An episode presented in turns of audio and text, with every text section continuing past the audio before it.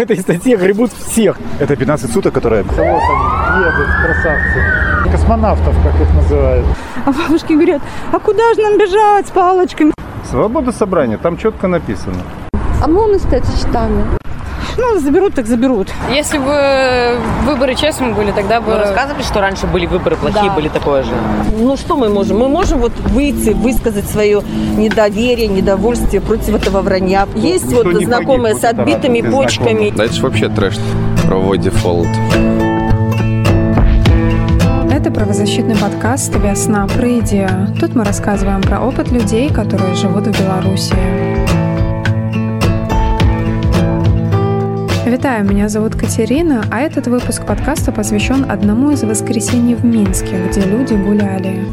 Это воскресенье 25 октября, но дата здесь не так важна, потому что такие воскресенья каждые. Впрочем, в этом воскресенье были и свои небольшие особенности. Интернет отключили пораньше, станции метро закрыли побольше, а кордоны из силовиков на этот раз очень старательно не пропускали людей присоединиться к маршу. Каждый выход на марш для каждого вышедшего – это административное правонарушение, согласно белорусскому законодательству, статья 2334 Кодекса об административных правонарушениях. Вы предполагаете вариант, что можете быть задержанными? Ну как же, ну что Мы за взяли с вопрос? собой двое трусов, носки запасные, Все всегда. лекарства. Да, ну, что делать? Жизнь. В нашей стране может быть задержан каждый. А все остальное это уже потом. Знаете о существовании статьи 2334 КОАП? Да, естественно, все в этой стране знают уже эту статью. А вы когда узнали? Там есть еще один поворот. Ну, почти сразу. Сразу после выборов? Мгм. И как вы к ней относитесь? Естественно, отрицательно, потому что по этой, по этой статье гребут всех, как можно относиться. Ну, загребут нас с вами сейчас вот здесь, на улице, и мы виноваты. Просто потому, что мы идем. Очень много у меня знакомых, кто просто получал. Человек, он вышел из бани, его отметелили как бы. Поэтому как можно относиться к такой статье? Эту семью из трех человек, мама, папа и взрослая дочь, я встретила недалеко от старого города, район Немиги. Мы увидели на дороге кордон из силовиков. Он не позволяет пройти дальше и присоединиться к маршу.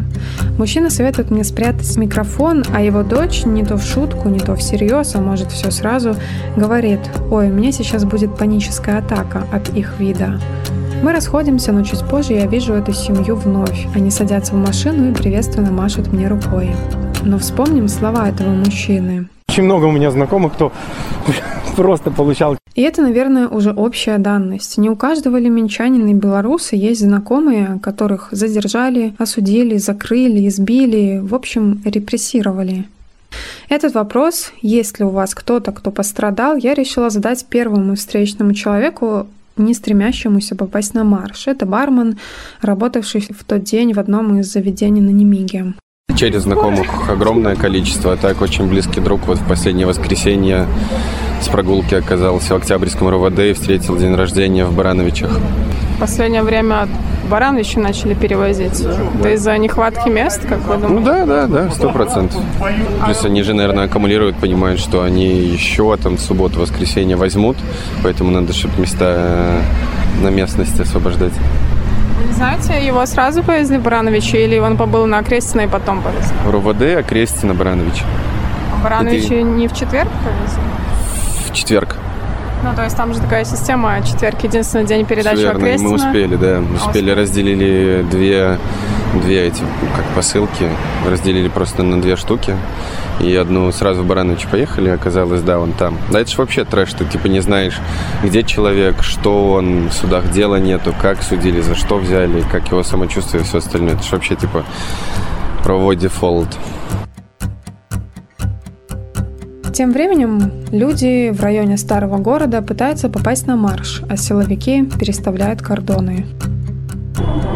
Около церкви щиты, вот они уперлись эти щиты, направо сюда, вышли сюда и пошли туда.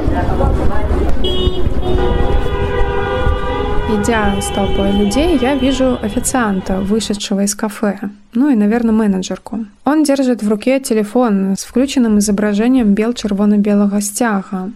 Это знак, и я сразу его считываю. Протестующим здесь всегда готовы помочь. Я начинаю разговаривать с ребятами из кафе, но наш разговор перебивается, и эта причина заставляет меня улыбаться. Ваше заведение в центре находится, и много протестующих мимо ходит. Конечно, почти каждое воскресенье. Какие, может быть, истории можете вспомнить, связанного с протестом? О, Магинской? Я думаю, вы знали.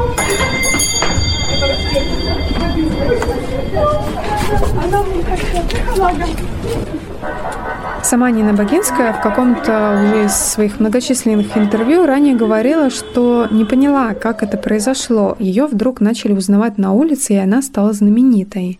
И честно, у меня было похожее ощущение. Я вдруг в какой-то момент начала осознавать, что Нина знаменита. Нину Богинскую я знала сравнительно давно. Она, бывало, приходила на весну за советом, ведь ее постоянно репрессировали, потому что репрессии в Беларуси существовали давно, просто сейчас они в огромнейших масштабах. Нину я также часто видела в судах. Она туда приходила, чтобы поддержать активистов. И в 2019 году, когда людей судили за участие в акциях против интеграции с Россией, по той же статье 2334, которая, да-да, уже тогда и тоже уже давно существовала. Но вернемся к тому кафе, с работниками которого я продолжила разговор. Нет, ОМОН к нам не заходил. У вас прятались протестующие? А? Да, да, у нас прятались протестующие. Мы расставляли с сиропами, получается, напитки, чтобы люди, которые забегали, были как бы при, при чашечках, не пустых столах, если на случай чего. Как-то так вот. Сотрудники кафе просили не указывать его название в подкасте, а то возможное давление и все дела. И вообще люди, голоса которых прозвучат в этом подкасте, также просили их не называть. Их можно понять. 23-34. Только вот на марш мне попасть не удается. Интернета нет, как всегда, и я не могу определить, где колонна. Это не могут понять и десятки людей, блуждающих по окрестных улицах. Если на митинг, то сюда шли люди. Там закрыты уже кордоны делают. А там кого? А все оттуда всех возвращают, там перекрыли уже все. А на мосту. кем? ОМОН с тачтами. Я шла с моста, нас вернули.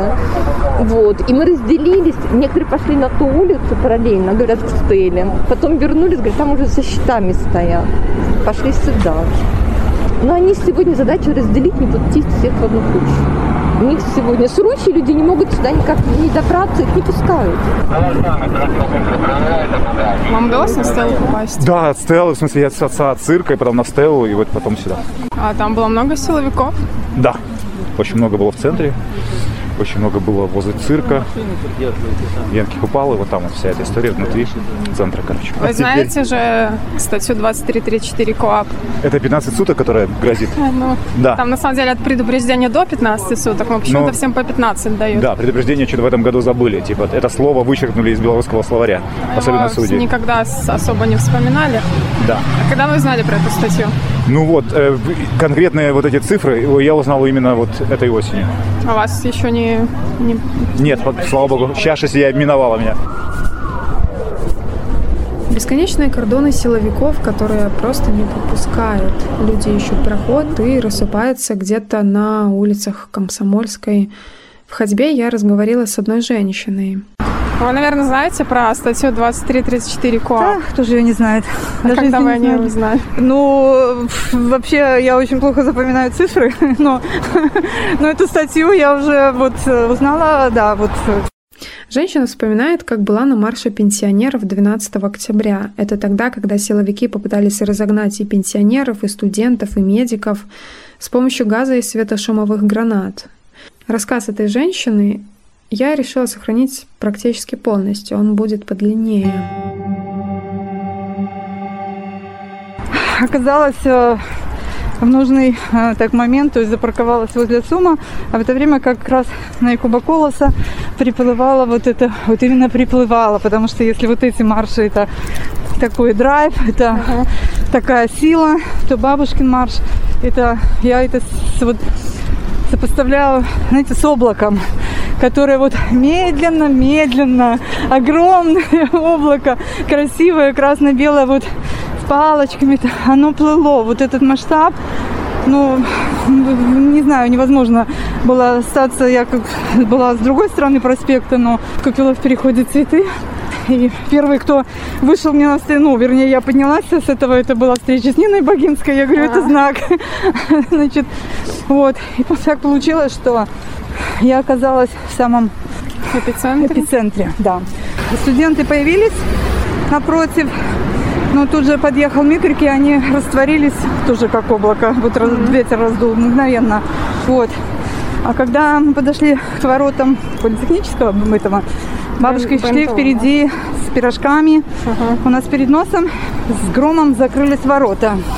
То есть, чтобы туда они им пошли, то есть прям вот перед носом с этой и с той стороны он повесил этот замок. То есть, знаете, это была картина, без слез невозможно было смотреть, потому что бабушки вот через эти ворота начали сунуть этим деткам пирожки. Детки их с той стороны гладили, вот уже это все через эту решетку. Ну, это вот, я говорю, как фильмы, вот во время войны, когда отправляли куда-то там, ну, примерно что-то. И тут кто-то говорит, ой, смотрите, же напротив а, с той стороны проспекта вышли медработники СЭП солидарности стали в халатах. Да, было. Ну, то, что как бы они ждали провокацию любую, это было понятно, потому что проспект был перекрыт в две стороны. То есть они его перекрывали по мере продвижения, то есть чтобы не было ни свидетелей, ни по помощь. И мы не успели только там э, прокричать им спасибо. И тут же автобус, три или четыре микрика. И выскакивают эти, начинают их хватать и запихивать в эти микроавтобусы. И наши бабушки, не говорят, молодежь, она фотографирует. Наши смелые бабушки первые, значит, побежали через этот проспект, потом повернули, что вы стоите. И тут мы побежали все. Вот что делать? Знаете, вот голова не это просто было понятно, что надо бежать и отбивать. И вот это, вот, знаете, я говорю, картинка, когда вот запихиваешь постельное белье в софу, да, а оно не влазит. Так вот, таким образом они запихивали этих людей, медиков в мигре, а мы их вытягивали. Он стоит вот так, ноги расставишь, из-под ног, и сбоку. То есть они запихивали, мы, мы их доставали, вытягивали. И кого-то там схватили в автобус большой. Он собрался уезжать, в общем, мы перегородили вот эту стали на этом. Ну, все, не дали ему проехать. О том, как это было 12 октября, немножко звука из видео Тульбай.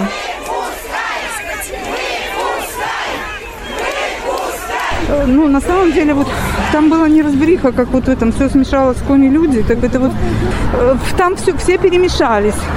Они начали брызгать газ. Бабушки начали кашлять, но никто не уходил. Потом, когда стали перегородили автобусы, они начали под ноги нам кидать петарды или гранаты, или патроны. Светошумовые гранаты. Да, да.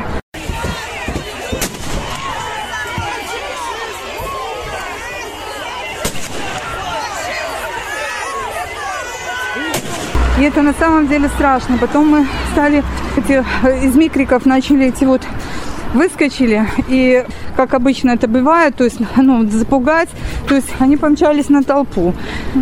А бабушки, как я потом уже общалась, говорит, я говорю, молодцы, потому что молодежь убегает. И это страшно, и ты не потому, что страшно, а потому что, ну, инстинкт самохранения за всеми. А бабушки говорят, а куда же нам бежать с палочками, мы и там это. То есть они ломанулись, а все как вкопаны. Во-первых, все стоят ну, от этих взрывов. То есть у многих шок, у многих... Ну, вот я начала, я говорю, включилась э, тут же функция полевой сестры. Я начала там этих бабушек там отводить в сторону, там натягивать и маски, не знаю, правильно, неправильно. Тоже смотрю, вот бабуля стоит, она, у нее состояние просто вот отрешенности, она не кашляет, не, не, не кричит, не, она просто стоит. То есть я понимаю, человека, пожилого человека это стресс. То есть от всего вот этого мы стали вот в сцепку и так быстро начали вот выстраиваться в сцепку к ним лицом, а, что даже не вместились все. Следом еще за нами два ряда. И, ну, как бы это было хорошо, потому что он прошел по первому ряду, вот так вот всем нам попшикал газом. Вот. Вот просто вот на этом вот. Ну да, ну все начали кашлять, сцепку, естественно, раз, ну как бы расцепили, но за нами еще два ряда. То есть в результате получ... выглядело так, что как будто мы их взяли в плен. Вот. Ну и, в общем, даже женщина сходила одна в автобус, проверила, всех ли они выпустили. То есть там кричали, выпускай, она пошла проверила, она, да выпустили, выпустили, она, я вам не верю. Вот, прошла, посмотрела в автобусе, ну да, всех выпустили. А, вот. Ну, в общем, там, я так поняла, что подошло, тут же начал товарищ ходить прям лицо снимать, поэтому... Сухарик, да? Нет. В форме? В форме. И все это время, когда мы шли, медленно-медленно, вот просто километр час ехал тоже вот он в форме, и он снимал одной рукой держал камеру, другой. Этот, ну, было, ну, неприятно. Вот их хочет на то, что мы убегаем, и они бьют в спину. А как только к ним поворачиваешься лицом, и, и все, они теряются. То есть у них вот программа, как вот дрессируют собаку там на определенную команду. И, ну, возможно, так и есть, потому что вот когда мы стали к ним лицом, и они не знали, они стояли вот этими дубинками, размахивали, общем, мы их там перегородили, прокричали им все, что нам хотелось, вот прям в лицо глядя в эти пусть прорези глаз, но э, ну, во всяком случае, диалог, не, не диалог это не назовешь, но вот такой был понедельничный этот. Вот, ну, как бы медиков мы, да, всех отбили, отобрали. И, ну, бабушки это, это, это вообще.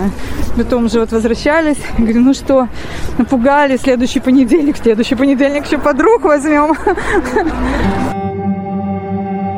Вспоминаем мы и предыдущее воскресенье, ведь для многих людей это воскресенье не первое.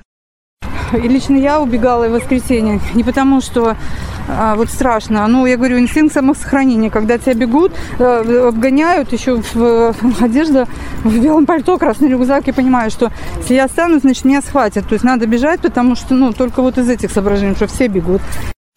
Ну, заберут, так заберут. У меня, я говорю, два пункта, которые меня вот волнуют. Живу одна, у меня собака. Я очень, ну, переживаю, что если меня заберут, ну, вот сегодня сейчас встретила знакомую, оставила ей, оставила телефон, кому звонить, то есть договорились, если я не отзвонюсь вечером, чтобы звонила, чтобы нам собаку забрали. Mm-hmm. Второй момент, мне нельзя прерывать лекарства. Лекарства. Вторая группа, у меня как бы инвалид второй группы, и, ну, у меня беспрерывный должен был курс. А, таблетки ношу с собой, но могут же и не отдать. Поэтому, ну, как бы вот, уже первые вот марши, это было так здорово, возбуждающе, что выходишь, и вот уже по проспекту идут люди с этими с флагами, там мы-то, и, ну, на самом деле это драйв, и придают, ну, такой этот, то предыдущие эти, это вот так ходишь, бродишь, там человек, там, наверное, сегодня не придут. И потом вдруг где-то в одном месте такой, ух, научились уже вот пробираться такими партизанскими тропами.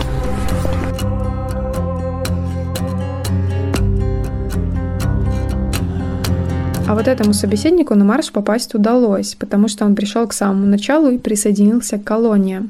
С того, что мне не очень нравится, что в виде любой заслон, то есть даже без колючей проволоки, даже вот без щитов, просто становятся пацаны, которые, ну, дают проход просто на улице. Люди все, разворачиваются и идут обратно. Это не очень хорошо, потому что, ну, получается, что движение колонны определяется всеми этими чуваками с щитами. Вот.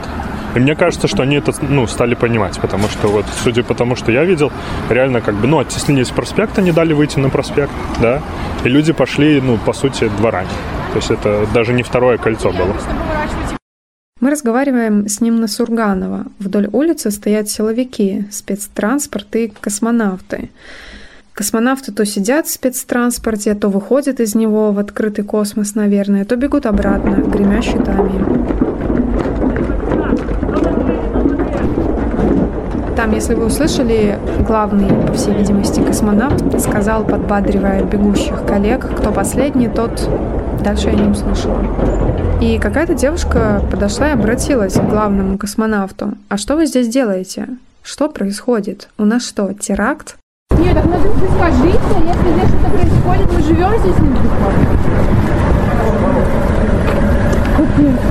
Там плохо слышно, но силовик после некоторого молчания ей ответил. Все в порядке, не волнуйтесь. А мимо на самокатах катаются мальчики. Я слышу, как они обсуждают тихореи. Я слышала, как вы сказали, там тихари. Кто такие тихари? Ну, ОМОН, как бы. В автобусах с завешенными, да. То есть э, те, которые скрываются, как бы не хотят показывать себя. А когда вы про них узнали? Вы же как-то Да. жили и не знали? М, Да нет, с начала митингов, как начались, как э, начали разъезжать и бить людей. Откуда вы об этом узнаете? Ну, от телеграм-каналов, интернетов, всяких. Ну, это уже признан экстремистским каналом. Знаете про это? Не, я не знаю. Вы когда-нибудь до 9 августа видели? Вот сейчас были ОМОНовцы, водометы. Вы когда-нибудь это видели в своей жизни? Нет, вообще ни разу. Думали, что будете жить при, при таких Нет. действиях? Нет. Ну, если бы выборы честными были, тогда бы... Вы рассказывали, что раньше были выборы плохие, Да. были такое же?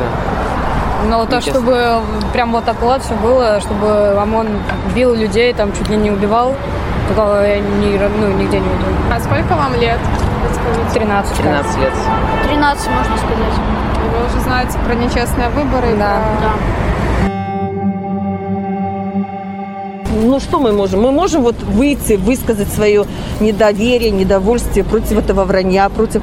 Здесь же народ наш, у нас мирный народ. Мы просим просто провести повторные выборы. Мы просто попросили провести выборы, и на этом бы все закончилось.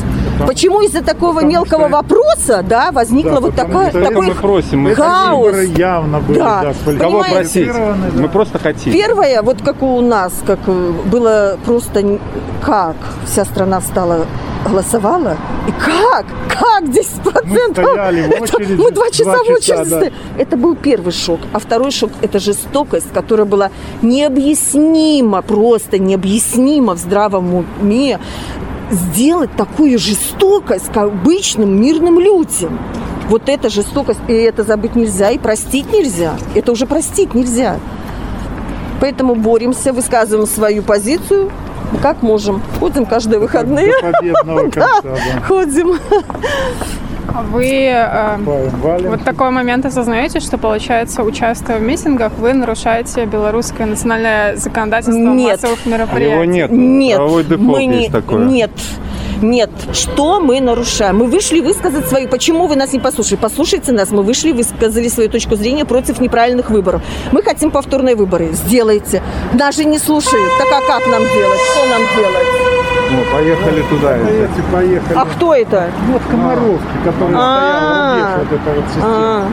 С этими щитами вот А, этими. вот это рубеж. Да. Да. Вот почему. Люди ходят. Мы же ничего Они не вот делаем, не бьем, не стреляем. они Перегородили дорогу, Ничего. стояли. Зачем вот это, Это все против нас? Вот Ну, посмотрите, вот стоит нету. этот. Что соблюдать, что нарушать. Да. Водомет этот, а он на, перек- на Ага. перекрестке молодежь, он Да, да, да, с флагом. флагом, да. Он- наверное, после девятого научились э, различать военную технику, вот рубеж, водометы. Ой, девушка, я даже не знала, что такое окрестиное есть у нас. О чем вы говорите? А сейчас это уже все. Я говорю, просто вот это беззаконие, которое, а что ж мы нарушаем? А как? Так они все нарушают, им можно. Он врет, нам можно это все, да, мы должны воспринимать. Они жестоко обращаются с мирными, обычными детьми, людьми. Мне детей очень жалко в этой ситуации, потому что их на вот эта легкость эм, наивная, это юношеское такое еще порывы, все, чем чреваты для них оказались. За что ж вы этих детей?